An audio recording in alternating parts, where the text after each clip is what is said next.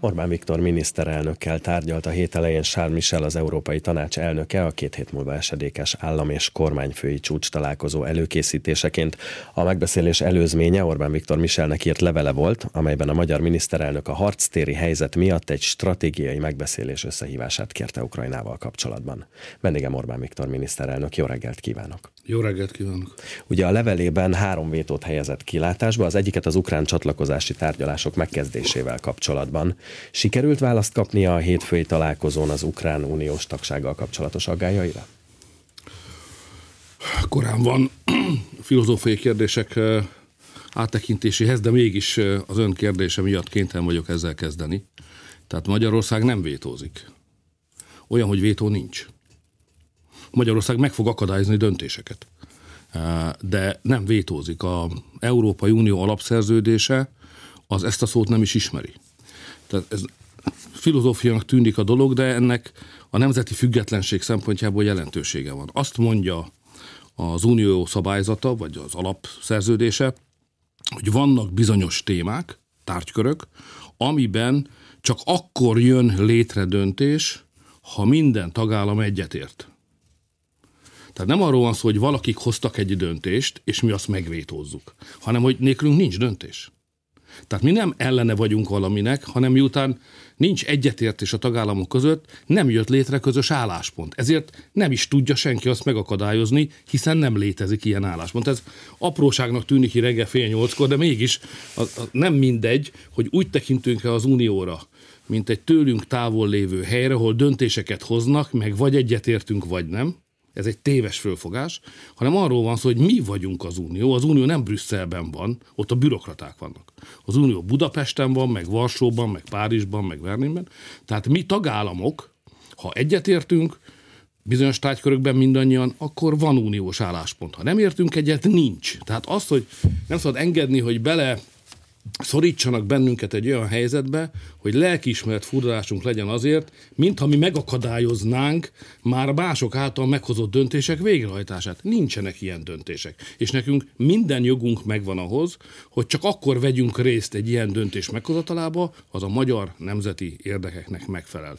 Ukrajna uniós tagsága, a tárgyalásokról szóló, a csatlakozásról szóló tárgyalások megkezdése ma nem esik egybe Magyarország nemzeti érdekeivel, ezért ezt nem is kell csinálni. Ezért mi nem azt javasoljuk, hogy vitassuk meg, utána pedig állapítsuk meg, hogy nem értünk egyet, hanem ne tűzzük napirendre. Mert előre lehet látni, hogy nem lesz egyetértés. És akkor megbontjuk az európai egységet. Az egységet úgy lehet megvédeni, ha azokban a kérdésekben, amelyekben nincs egyetértés, azokat nem tűzzük napirendre. Hozzá se kezdünk mondjuk a miniszterelnökök csúcs értekezletén a megvitatásukhoz, mert lehet tudni előre, hogy nem lesz egyetértés. Ezért én azt javasoltam, most is azt javaslom, hogy Ukrajna Európai Uniós tagságának tárgyalása ne kezdődjön meg. Ezt miután nem lehet elérni, hogy megkezdődjön, hiszen mi azzal nem értenénk egyet, ezért ne is tűzzük napirendre. Akkor tűzzük napirendre, ha már kivitattuk előre, és egyetértést tudtunk kialakítani. Ezért hiba a bizottság részéről hogy a bizottság azt erőlteti, hogy mi, a miniszterelnökök ezt tűzzük napirendre. Ez nincs előkészítve. Az előkészítés nem azt jelenti, hogy írok egy darab papírt, és mindenki elolvassa. Az előkészítés azt jelenti, hogy mindenkivel tárgyalok, megnézem, kinek milyen érdekei vannak, és azokat összehangolom. És össze tudtam hangolni, vagyis van esély az egyetértésre, akkor teszek egy előterjesztést. Ma nem ez a helyzet, mert a bizottság előterjesztette, hogy kezdjük meg a tárgyalásokat Ukrajna tagságáról. De ez számos tagállam érdekével nem esik egybe, a magyaréval biztosan nem. És mi elég jó állapotban vagyunk az, hogy elismerjük mondani, akármilyen nyomást is helyeznek ránk. Tehát ezt az ügyet nem szabad a napirendre tűzni, és a bizottság meg kell értenie, hogy az ő felelőssége, hogy az ülés rosszul lett előkészítve. Vigye innen vissza, készítse elő rendesen, és akkor jöjjön vissza, ha sikerült kialakítani egy egyetértést. Mi a legfontosabb gátja az ukrán uniós csatlakozásnak, vagy a tárgyalások megkezdésének most, hogy látja? Hát ez is számos kérdés van, amire nem tudjuk a választ. Először is Ukrajna háborúban áll. Ha egy ország háborúban áll, akkor másként működik annak a jogrendszere és a politikai rendszere, mint egy békés életet élő országban. Tehát ma nem tudjuk megmondani, hogy vajon Ukrajna azoknak az alkotmányos jogállami feltételeknek, ahogy az Unió minden országa egy bizonyos kereten belül működik. Ők belül vannak ezen a sávon, vagy nem. Ez megállapíthatatlan. Másodszor nem tudjuk megmondani, mekkora a területe Ukrajnának, amit fel akarunk venni. Mert egy részének ugyan jogilag Ukrajnához való tartozása nem kétséges, de katonailag Oroszország állomásodik rajta, ő szállta meg. A harmadik dolog, hogy nem tudjuk, mekkora népességről beszélünk, mert menekülnek folyamatosan Ukrajnából az emberek. Hát nem tudjuk, hogy az ukrán mezőgazdaság beemelése a szabadpiacra, az vajon jó lesz a már bent lévő országok gazdáinak, vagy nem.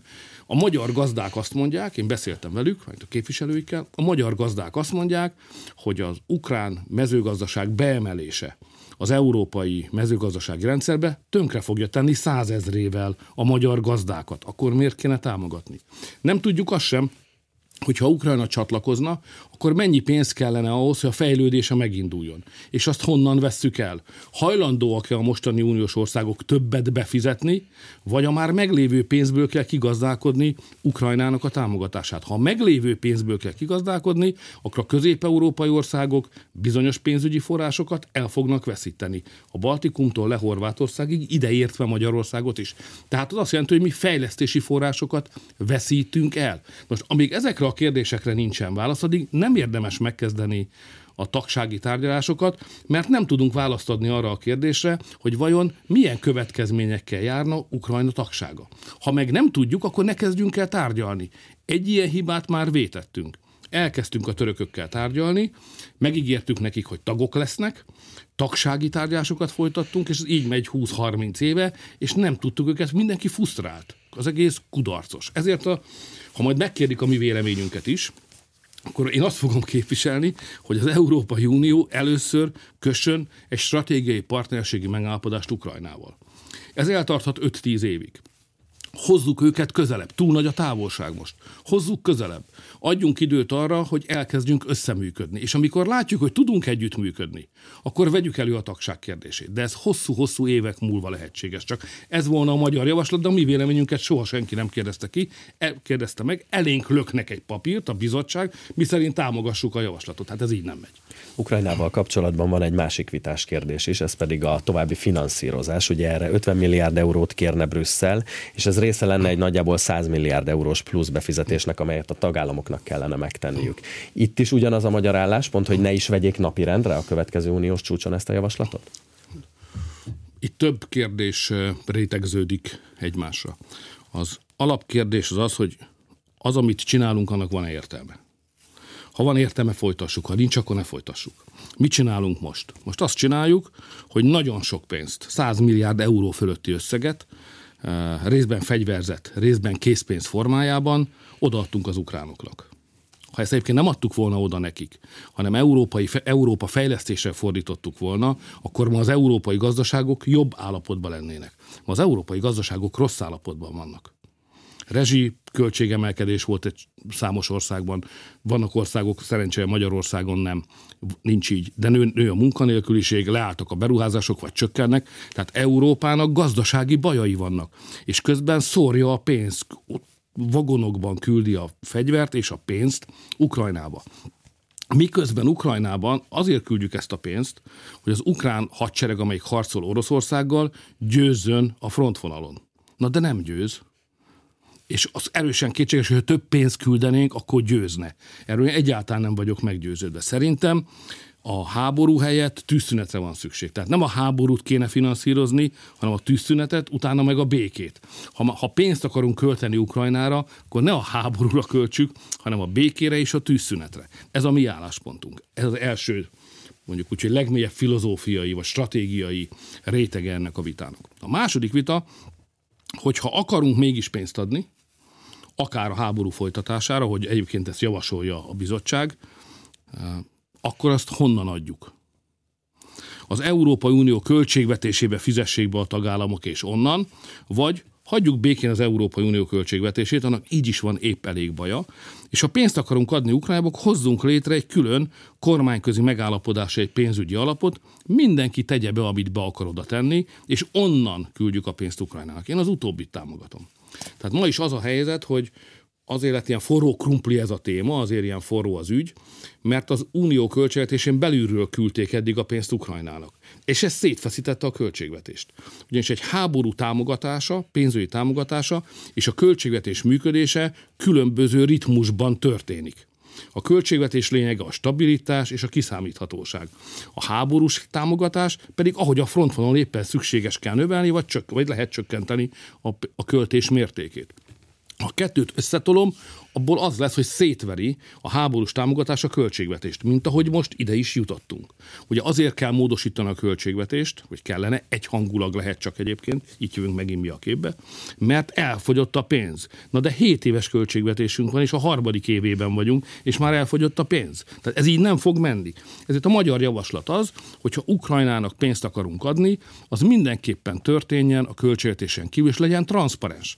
Ma számos országban az emberek nem támogatják hogy Ukrajnának pénzt adjunk, de a vezetők úgy bújnak el a nép elől, hogy azt mondják, hogy hát tulajdonképpen nem is mi adjuk, hanem az Unió, de valójában persze mi adjuk, mert az Unió mi vagyunk. De így el tudják kenni a személyes felelősséget. Hát tessék kiállni transzparens módon, és azt mondani, uraim, Tisztelt magyarok, Ukrajna ebben a helyzetben van, beszéljük meg, akarjuk-e őket pénzügyileg támogatni, és mennyit tudunk nekik adni. És akkor mindenki tegye ezt a pénzt az asztalra. A holland ugyanúgy, a belga ugyanígy, a francia hasonlóképpen, és a német is. Ez egy tisztességes eljárás egy demokráciában. Az, hogy bebújunk az unió háta mögé, az emberek ki se tudnak igazodni, nem értik pontosan, mi történik, csak azt mondják, persze szegény ukránokat támogassuk meg, de közben, hogy ez az ő kontójukra megy, ez nem világos, ennek a következményei is világosak, ez szerintem egy demokráciában nem fogadható el. Ezért jó dolog a konzultáció, az emberek majd világosan meg fogják mondani, hogy ők egyébként ezzel egyetértenek-e vagy sem. Ha már a konzultációt említette, ugye többen is beszéltek arról kormánypárti politikusok, hogy a nemzeti konzultáció az a magyar szuverenitás megvédéséről is szól, amellett, hogy az emberek véleményére kíváncsiak 11 kérdésben. Hatékony eszköze lehet a szuverenitás védelemnek a nemzeti konzultáció? Ugye mindenki azzal főz, amilyen van. Ez intellektuális értelemben is igaz. Mindenki, amikor gondolkodik, olyan mankókat használ, amit az életébe összegyűjtött. Én nekem a mankóim tekintés rész a sportból jön. Amikor fönn van a csapat a pályán, az 11 ember, és van nem ritkán, hogy 11 ember kevés a mérkőzés megnyeréséhez. Szükség van a 12. emberre is. Az pedig a közönség, akiért játszunk. Tehát ha ők támogatnak bennünket, tudunk nyerni, akkor 12-en vagyunk. Ha nem támogatnak, kétséges, hogy tudunk-e nyerni. Ma ez a helyzet. Én harcolni fogok, a magyar kormány harcolni fog. Nehéz csatában vagyunk, mindenkire szükségünk, mindenkire szükségem van, akinek fontos Magyarország függetlensége, szuverenitása, fontos a haza, fontos a gyereke, fontos az unokája, mindenkinek a támogatása kell, mert ez a nehéz tárgyásokban erőt ad a Magyar- Magyarország, és így a magyar kormánynak, és végső soron pedig nekem is. Úgyhogy én kérek mindenkit, hogy töltse ki azt a konzultációs évet, ívet szálljon néhány percet a hazájára. Hát nyilván az önálló kül- és belpolitikai mozgástere az akkor van meg egy országnak, hogyha minél nagyobb a szuverenitása. Ugyanakkor azért a megismert tények, meg a nyilvánosságra hozott titkosszolgálati jelentések alapján egyre világosabb az is, hogy folyamatosak a beavatkozási kísérletek. Képes Magyarország arra, hogy megőrizze, megvédje a szuverenitásának a minél nagyobb részét? Mi kell ehhez egyáltalán a konzultáción túl? Ugye nekünk van egy történelmünk. Ennek két tanulsága van. Az, most sok tanulsága van, de a mostani beszélgetésünk szempontjából talán érjük be kettővel. Az első, hogy körülöttünk mindig is nálunk nagyobb birodalmak voltak. És a nálunk nagyobb birodalmaknak az étvágya is nagyobb, mint a miénk. És nem mi, ha, mi akartunk beléjük harapni sohasem, hanem ők akartak mindig belénk harapni. Ez már csak ilyen. Ilyen a történelem, ilyen az emberi természet, és ilyen a birodalmak törvénye. Mi azt a taktikát választottuk, hogy persze ők is próbálnak belénk harapni, de még úgy mozgunk, hogy minden birodalom tebetésén részt tudjunk venni. És ott is voltunk mindegyiken. És ez a tervünk a jövőre nézve is. Ez az első tanulság. Hogy nem kell megijedni a birodalmaktól, a történelem azt mutatja, hogy nálunk nagyobbak is elhullottak, mi meg még mindig itt vagyunk. A második nagyon fontos tanulsága a magyar történelemnek az az, hogy itt vagyunk 1100 éve ugyanazon a területen. Persze ez néha kisebb, néha nagyobb, mint a szív összehúzódik, kitágul, most össze vagyunk húzódva, de ez azért ugyanaz a terület. És 1100 év alatt mi magunknak is, meg a világnak is bebizonyítottuk, hogy mi tudjuk, hogy hogy kell ezt a területet berendezni. Tehát hogyan kell magyar részjárás szerint fölépíteni, megteremteni a kultúráját, megteremteni a gazdaságát, kialakítani a külpolitikáját. Tehát ez a mi világunk, amit mi tudunk a legjobban berendezni, úgy, ahogy az itt élő embereknek a kultúrájából, ösztönéből, akaratából, vágyaiból ezt meg lehet tenni. Ezért nincs szükségünk arra, hogy más mondja meg nekünk, hogy mi hogyan éljünk. Ezt majd mi eldöntjük. Ez a szuverenitás legmélyebb értelme, hogy a magyaroknak van történelmi képessége arra, hogy államot hozzanak létre, és állami keretek között úgy éljenek, ahogy szeretnének a kormány, mindenkori kormányzatok segítségével. De a kiinduló pont nem a kormányzat, hanem a nép ebben a szem, ebből a szempontból, és a kultúra. És miután ez a képességünk megvan, ezért nem akarjuk megengedni, hogy mások szóljanak bele. Ha, ha szárnyaszegettebbek lennénk, kevésbé tehetségesek, nem lenne 1100 éves múlt mögöttünk, meg gyengébbek lennénk, akkor persze lehet, hogy rászorulnánk mások segítségére, de köszönjük, nem szorulunk rá. Mi ezt meg fogjuk oldani. Ez itt Magyarország, ezt mi be tudtuk rendezni eddig is, ezután is működtetni tudjuk. Most persze mindig vannak olyanok, akik itt belül Magyarországon is úgy gondolják, hogy inkább tagozódjunk be egy birodalomba, fogadjuk el a birodalmak ajánlatát, aminek egy része mindig személyes ajánlat, mert az ő zsebükbe menne persze pénz. E, tehát egy, mindig vannak, akik pénzért a haza egy részét, vagy az egészet is hajlandóak eladni. Ezért van egy belső küzdelem is. Szerencsés időkben ezek az emberek nem tudnak közel kerülni a hatalomhoz és a kormányzathoz. Szerencsétlenebb időkben még képesek arra, hogy kormányoznak. Hát volt egy gyurcsány korszak azért. Nyakunkra hozták az IMF-et, bevezették a devizahitelezést, amiről kiderült, hogy az embereknek nem jó, de a bankoknak igen. Elvették az emberek nyugdíját, fizetését, szóval nem kell nagyon messzire menni a történelembe, hogy lássunk olyan korszakokat, amikor nyilvánvaló, hogy a döntések, a kormányzati döntések nem a magyar emberek érdekét szolgálták. Ez szuverenitásérelem.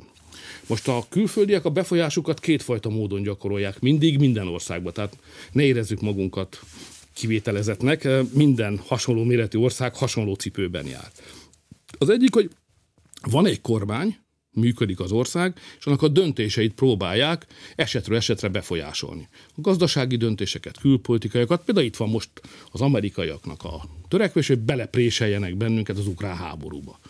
De gazdasági lobbyérdekek is szoktak előkerülni, hát mindenki emlékszik a privatizáció sötét korszakaira, és így tovább. A másik, hogy amikor kormányzati váltás lehetősége villant föl, mert választások lesznek, akkor az embereket próbálják befolyásolni arra, hogy az nemzeti kormányok helyett ne nemzeti kormányt válasszanak. Ez történt a legutóbbi parlamenti választáson, fehéren-feketén bizonyítottan, amikor nyugati brüsszeli és washingtoni pénzeket Soros György és így tovább toltak be a baloldal mögé, ez a dollár baloldal, ez a guruló dollárok ügye, azért, hogy ne nemzeti kormány legyen Magyarországon. Most ezt a törvény bünteti. Na de a magyar az egy tehetséges fajta, és a kiskapukat keresgéli, bebújik a kerítés alatt, tehát találtak olyan réseket, amiről most vitát lehet nyitni, hogy vajon az megsértette a törvényeket, vagy nem. Szerintem inkább igen, de ez nem az én dolgom, hanem majd a bűnüldöző hatóságoké, de az biztos, hogy az az ország érdeke, hogy olyan egyértelmű és világos szabályok legyenek, amiket nem lehet kijátszani hogy ez még egyszer ne fordulhasson el, hogy egyszer csak itt áll a magyar nép, és a választás után tudja meg, hogy egyébként dollár milliókkal akarták az ő döntését befolyásolni a baloldali pártokon keresztül. Szóval ez így nem jó, ezért a szuverenitás védelem érdekében most a parlamentnek kell hozni a néhány döntést, és sokkal komolyabban kell vennünk az előttünk álló években is az ilyen beavatkozási kísérletek előtti utak, ösvények eltorlaszolását. A szuverenitásnak nyilván eleme a gazdasági szuverenitás is.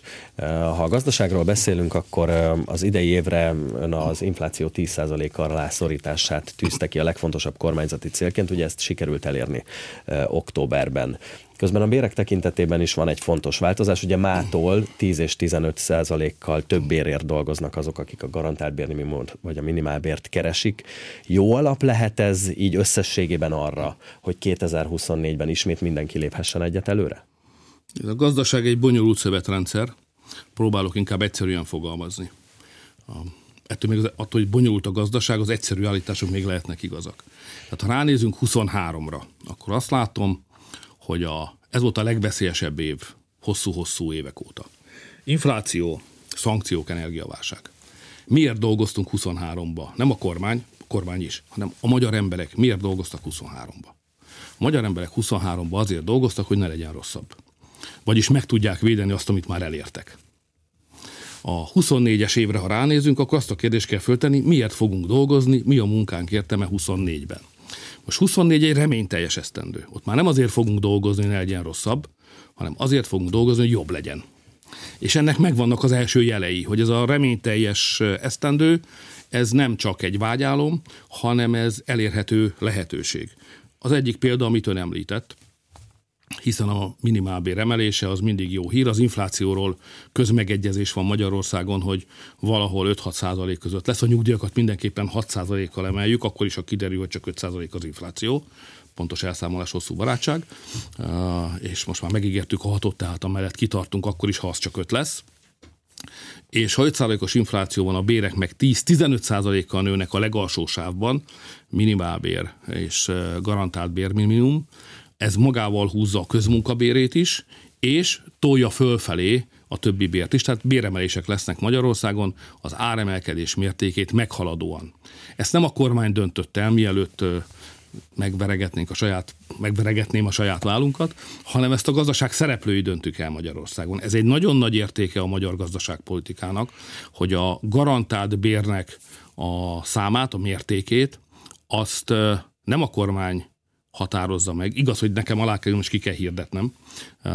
Ilyen értelemben formálisan van egy kormány döntésünk, de én sose erőszakolom meg a gazdasági élet szereplőit, amire a szakszervezetek, vagyis a munkavállalók és a munkaadók jutnak egymással, azt a kormány el szokta fogadni. Inkább mediáljuk, közvetítünk, és nem úgy döntünk. És a magyar gazdaság szereplői abban állapodtak meg, hogy 24-ben erre képesek lesznek a magyar vállalatok hát akkor úgy, hajrá, reméljük ez így is lesz, a mától a magasabb bérlép életbe. De vannak más biztató előjelek is. Ugye meg tudtuk hirdetni a otthonteremtési rendszernek a kibővítését, a falusi csókot azt még tovább, még kedvezményesebbé tettük, és a városi otthonteremtéshez is egy új programot, egy Csók Plus nevű programot indítottunk el.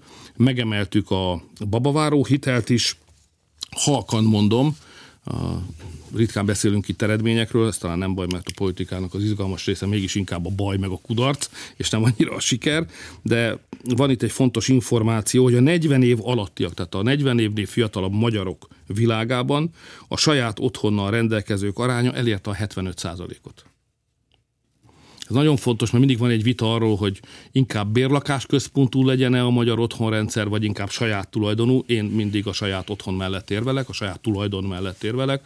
A tulajdon nagyobb biztonságot ad, mint egy bérleti jogviszony. És úgy látom, hogy az emberek is vevők erre a gondolatra, mert ha 40 év alattiak, 75%-ának már van saját otthona, az szerintem egy komoly e, teljesítmény.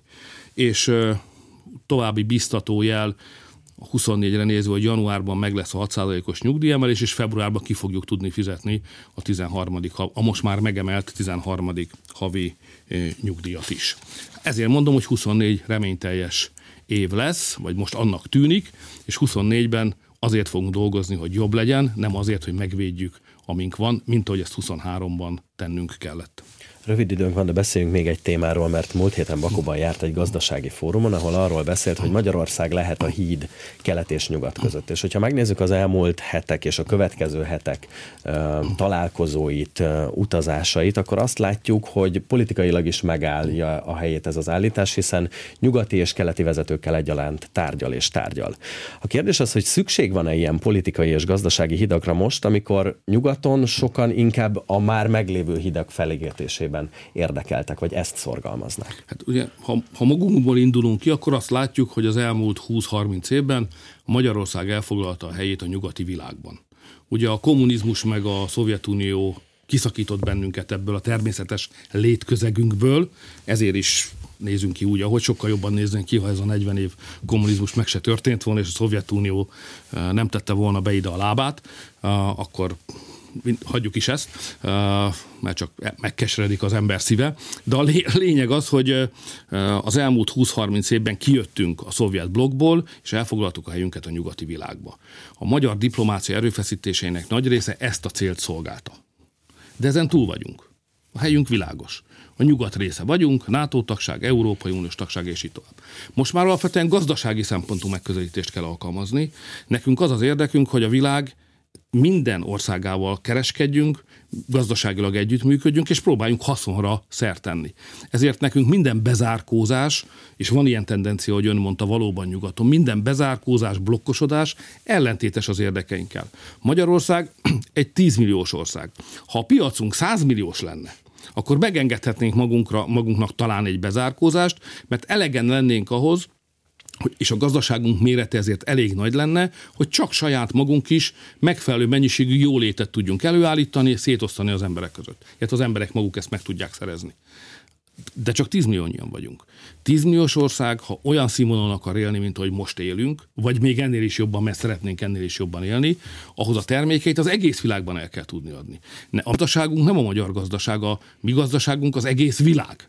És ahhoz pedig kapcsolatban kell lenni, gazdasági együttműködéseket kell kialakítani. És a vak is látja, hogy ebben a pillanatban a legjobban fejlődő, legprosperálóbb része a világnak, az tőlünk keletre van. Ezért a keletiekkel való gazdasági együttműködés elemi érdeke Magyarországnak, és ezt kell szolgálnia a mindenkori kormány, ez esetben a mi kormányunk külpolitikai tevékenységének is. Ezért látnak engem, hogy mint a mérgezett tegér, ha kicsit talán túlzok, de egyik nap Svájcban, másik nap Azerbajdzsában, jövő héten Argentinában, aztán Brüsszelben, mert próbálom kitágítani a teret a magyar gazdasági szereplők számára, hogy minél sikeresebben vállalkozhassanak külföldön, és adnak minél több haszna érkezhessen meg Magyarországra. Ukrajna uniós csatlakozásáról, a szuverenitás védelméről és gazdasági kérdésekről is kérdeztem az elmúlt fél órában Orbán Viktor miniszterelnököt.